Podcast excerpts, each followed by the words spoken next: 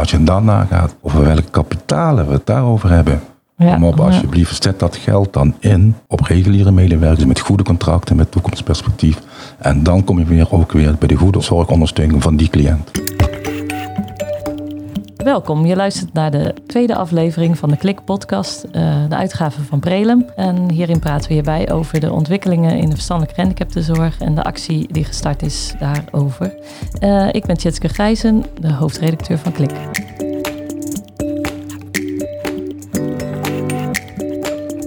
Welkom, leuk dat je luistert. Eh, vandaag hebben we het over de complexiteit eh, binnen de verstandelijk gehandicaptenzorg eh, als het gaat om de hoge werkdruk, personeelsverloop en ja, de arbeidsvoorwaarden waar het nogal aan ontbreekt, goede arbeidsvoorwaarden. En te gast zijn opnieuw Henk Haanraads van Dichterbij en Bert Impelmans van Daalzicht. En eh, ja, Henk, eh, kun jij iets vertellen over de actie jullie, die jullie gestart zijn? Eh, wij willen gezien worden. Worden de medewerkers dus niet genoeg gezien? Is dat jullie ervaring?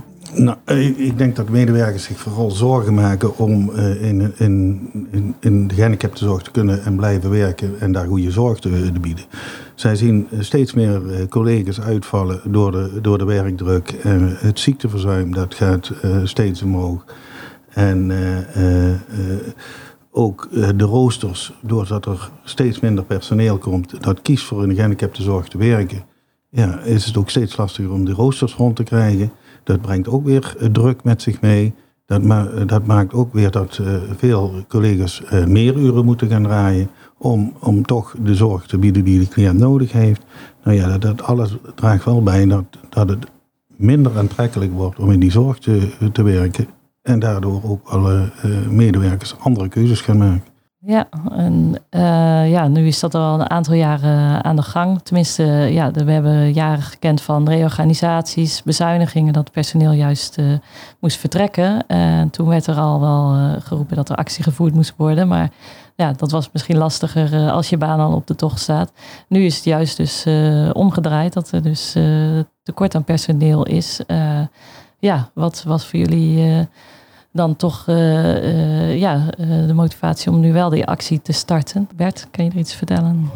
De actie, of wij spreken ook van een beweging, ehm, die hebben wij ges- ge- ge- gestart om de goede zorg te blijven borgen.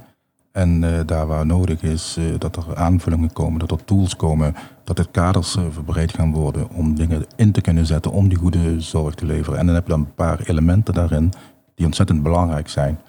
Onder andere is het, en daar komt niet onderuit, de imagoverbetering van, van de gehandicapte zorg. En eh, Henk en ik hebben het er vaak over. Wij vinden gewoon een prachtige sector. En, eh, en ook onze medewerkers, onze collega's, we hebben allemaal, denk ik, dat mag ik wel stellen, we hebben dezelfde passie. En dat moeten we weer gaan overbrengen naar jongere medewerkers die we willen aanhalen. Maar daarbij ook de, de oudere medewerkers, die moeten we ook blijven verbinden aan, eh, aan, de, aan de organisaties. Maar als je een slechte imago hebt, wat mede veroorzaakt wordt door eh, geen toekomstperspectief voor eh, jongeren, maar ook niet tijdige kennisverwerving en competentieverwerving die nodig is, omdat het zorglandschap zo aan het eh, veranderen is. Want wij vissen steeds meer ook uit de vijver van de, van de GZ. Wat Ja, we- wat ja. we- En, en daarin eh, zie je natuurlijk verschil in beloning, eh, wat het lastig maakt eh, voor mensen om eh, te kiezen voor de verstandelijk gehandicaptenzorg, merken jullie? Ja, je ziet dat de zorglandschap verandert. De, de, de, de psychiatrie komt ook in de gehandicaptenzorg steeds meer eh, eh, eh, voor. En ja, als je kijkt naar de GGZ, daar zit, is het loon al 5% hoger. En daar komt nu eens de komende drie jaar nog 8% bij. Ja, dan, dan wordt het, het wel een heel groot verschil. En dan is het een keus maken om over te stappen naar de GGZ voor een medewerker in de gehandicaptenzorg wel heel aantrekkelijk. En daarbij kunnen zij ook vaak veel grotere contracten bieden, die eh, meer dan 24 uur zijn. Dus daar is wel eh, werk aan de winkel voor, eh, eh, voor de organisaties. Om in elk geval met al die stakeholders eh, te overleggen van hoe kunnen we daar eh, beter mee omgaan. Ja, want nu lopen de onderhandelingen voor de CO, eh, ja, die zijn ook eh, enige begin van de zomer eigenlijk vastgelopen. Of ja, daarvoor. Eh, ja, was dat voor jullie ook een druppel van, nou, ook dat gaat niet verbeteren. Eh, ja, hoe nu verder? Nee, precies zoals je aangeeft. Maar wij zien dat als één component van het, van het gehele verhaal.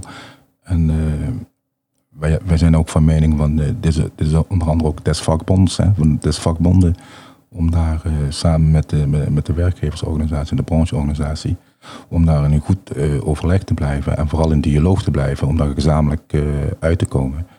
En ja, zoals je net zegt, en we zijn ook even aangehaald, van hoe belangrijk het is dat mensen wel ook goed beloond worden. Want in onze gehandicapte sector, die achterdeur, die staat gewoon helemaal open. En je ziet dus ja. ook uh, landelijk gewoon, en met name in bepaalde regio's, er is een enorme disbalans in in- en uitstroom. Ja, ja nu uh, heb ik daarvoor ook een reactie van het ministerie over gekregen. En ja, zij geven aan van ja, we hebben al een actieprogramma daarvoor gelanceerd. werken in de zorg om het personeelstekort terug te brengen naar nul is zelfs de ambitie of daar dichtbij. samen met het onderwijs en de werkgevers. En regionaal willen ze zich daar vooral uh, op focussen, omdat het toch per organisatie verschilt. Uh, en ze geven ook aan van er is uh, geld beschikbaar gesteld voor scholing, voor mensen die als zij instromer, daar wordt natuurlijk breed op ingezet in de zorg komen. 370 miljoen gaven ze aan. Ja, het effect alleen, dat is vorig jaar in het voorjaar van 2018 ingezet. Daar merken jullie nog niet voldoende van. Dus. Daar merken wij op dit moment nog uh, onvoldoende van. Maar wat je nu al doet, hè, je doet een opsomming. Hè? En uh, dat is wat wij dus ook zien en ervaren is van. Het is allemaal met afzonderlijke partijen. Het is niet integraal. Het is geen uh, tafeloverleg. Het is niet ge gezamenlijk. En wat je dan ziet is van. niet elke partij beschikt over dezelfde informatie. En hoe goed zou het zijn dat je gewoon alle stakeholders die betrokken zijn bij deze sector dat je die gezamenlijk, dat je een afvaardiging van hebt en van, dat, noem het maar een taskforce of whatever, dat je gezamenlijk gaat kijken.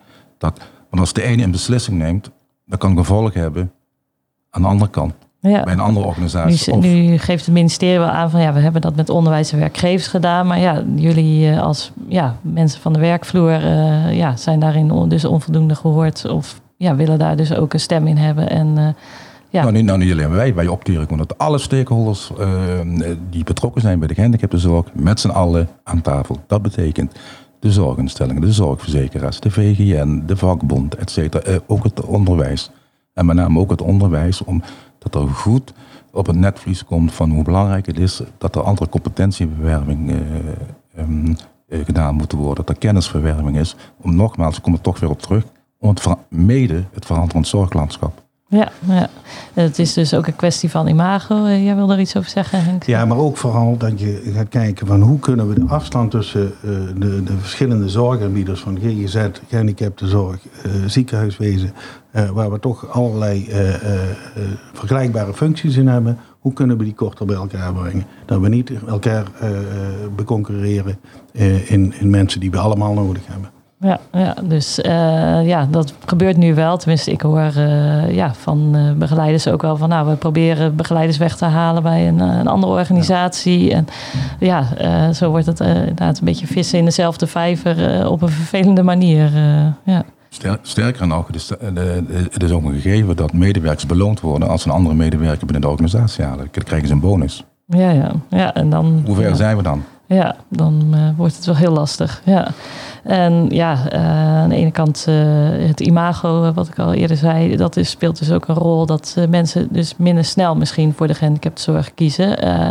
ja, is dat ook een soort visueel cirkeltje, omdat er natuurlijk zoveel reorganisaties geweest zijn, dat ja, de omstandigheden ook zo zijn dat ja, cliënten niet de kwaliteit van zorg krijgen of vaste mensen om zich heen hebben. En ja, dat gaan afreageren, om het maar oneerbiedig te zeggen, op begeleiders die misschien nieuw zijn en niet weten hoe iemand in elkaar zit.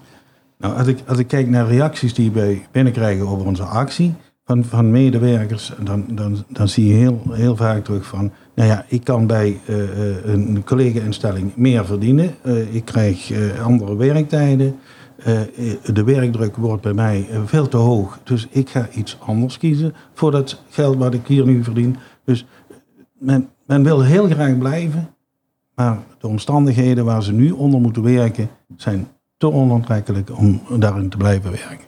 En dat, doet hun, dat, dat geven ze ook aan, doet hun heel veel pijn. Dat het geld niet op de goede plek terecht komt eigenlijk. Want uh, wat ik begreep is dat jullie niet per se voor meer geld willen gaan, maar eigenlijk uh, ook ja, een andere verdeling en ja, waardering voor personeel ook.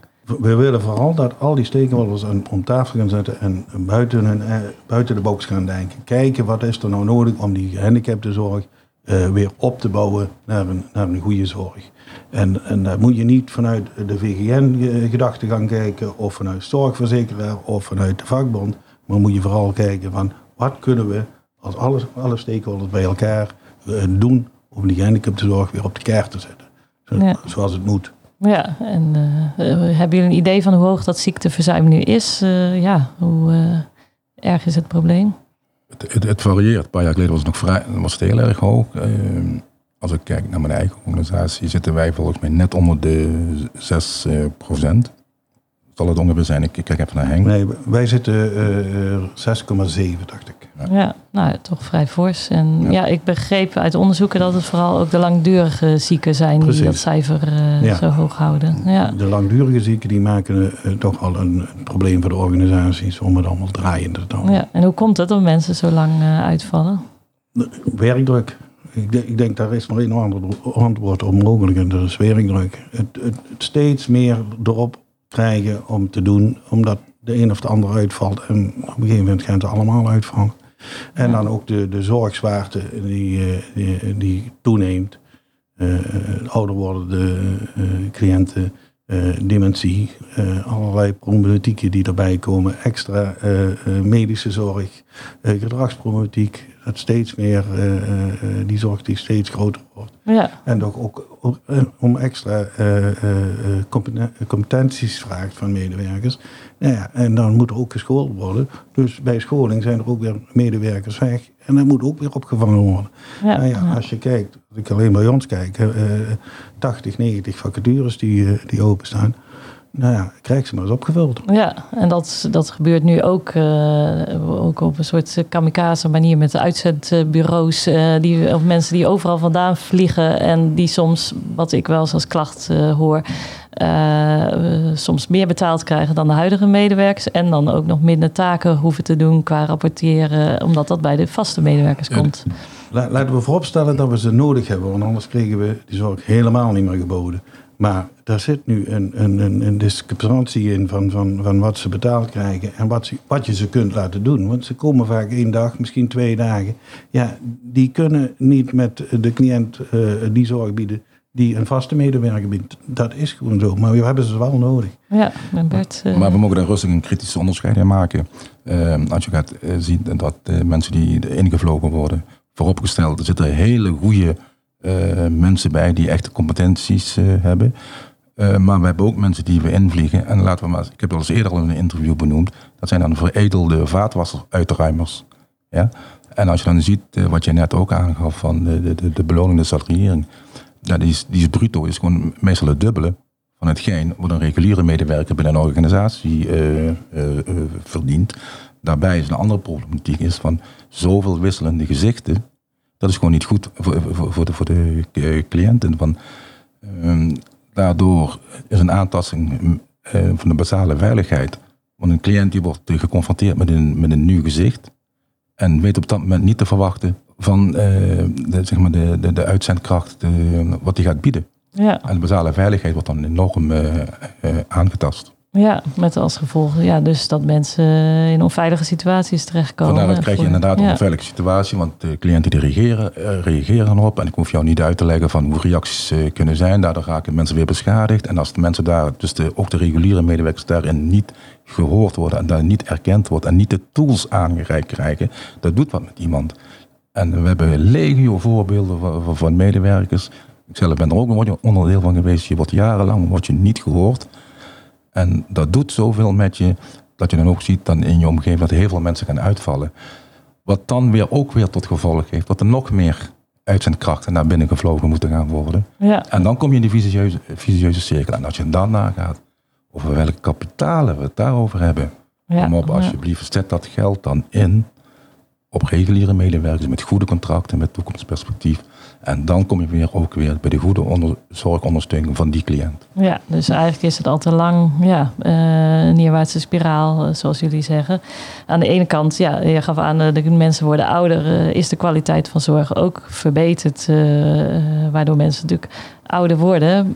dat is het dubbele daaraan. Ja, en we horen ook wel geluiden dat het heel goed gaat. Is het eigenlijk een probleem misschien meer van de, de grotere organisaties? Als je kijkt naar ja, de kleinschalige of nieuwe organisaties die gestart zijn in de wijk. of zien jullie het ook wel bij andere organisaties dan grootschalige? Ik, ik, ik, weet niet of daar een, een, verschil in zit. Als ik kijk naar wat wij binnenkrijgen, we, komen er continu dezelfde uh, problemen naar boven. Te weinig personeel, de werkdruk te hoog, ziekteverzuim hoog, het uitvallen, roosters die dicht gaan. Dat, dat, dat is wat medewerkers bij de opmerkingen die ze kunnen plaatsen continu neerzetten. Ik weet niet of er verschil is tussen grote organisaties en kleine organisaties. Daar kan ik er niet in opmaken. Nee, of, ja, dat is misschien wel ja, per organisatie wel uh, verschillend hoe ze het hebben ingericht of zorgen voor hun personeel. Dat wel. Maar ja, je verwees inderdaad naar de reacties die jullie binnenkrijgen op de petitie uh, wij willen gezien worden.nl. Die uh, ja, uh, ondanks dat die aan het begin van de zomerperiode gestart is, dus heel veel handtekeningen al heeft opgeleverd, boven verwachting. En, boven de 50.000 nu al. Ja, dat gaat heel hard. ja, wat hadden jullie van tevoren verwacht daarin? We hebben met elkaar gezegd van als we er 40.000 halen, dan zijn we eigenlijk heel blij. Maar dat het zo hard in zo'n korte tijd en ook nog in de, in de vakantieperiode uh, zou gaan, dat hadden we niet verwacht. En ook uh, de, de, de, verscheidenheid aan, aan reacties. Mm -hmm. Het zijn uh, cliënten die reageren, het zijn medewerkers die reageren, het zijn verwanten, ouders. Het zijn ouders van medewerkers die reageren. met hele warme reacties en hoop dat, uh, dat de actie nu uh, toch iets gaat opleveren. Ja, maar dat zegt ook wel wat dat ouders van medewerkers, die maken zich eigenlijk dan zorgen over die medewerkers. ja, ja. ja, ja er is een reactie, die komt dan bijvoorbeeld binnen van een, een, een moeder die zich toch wel zorgen maakt om, om haar dochter die in de gehandicaptenzorg werkt.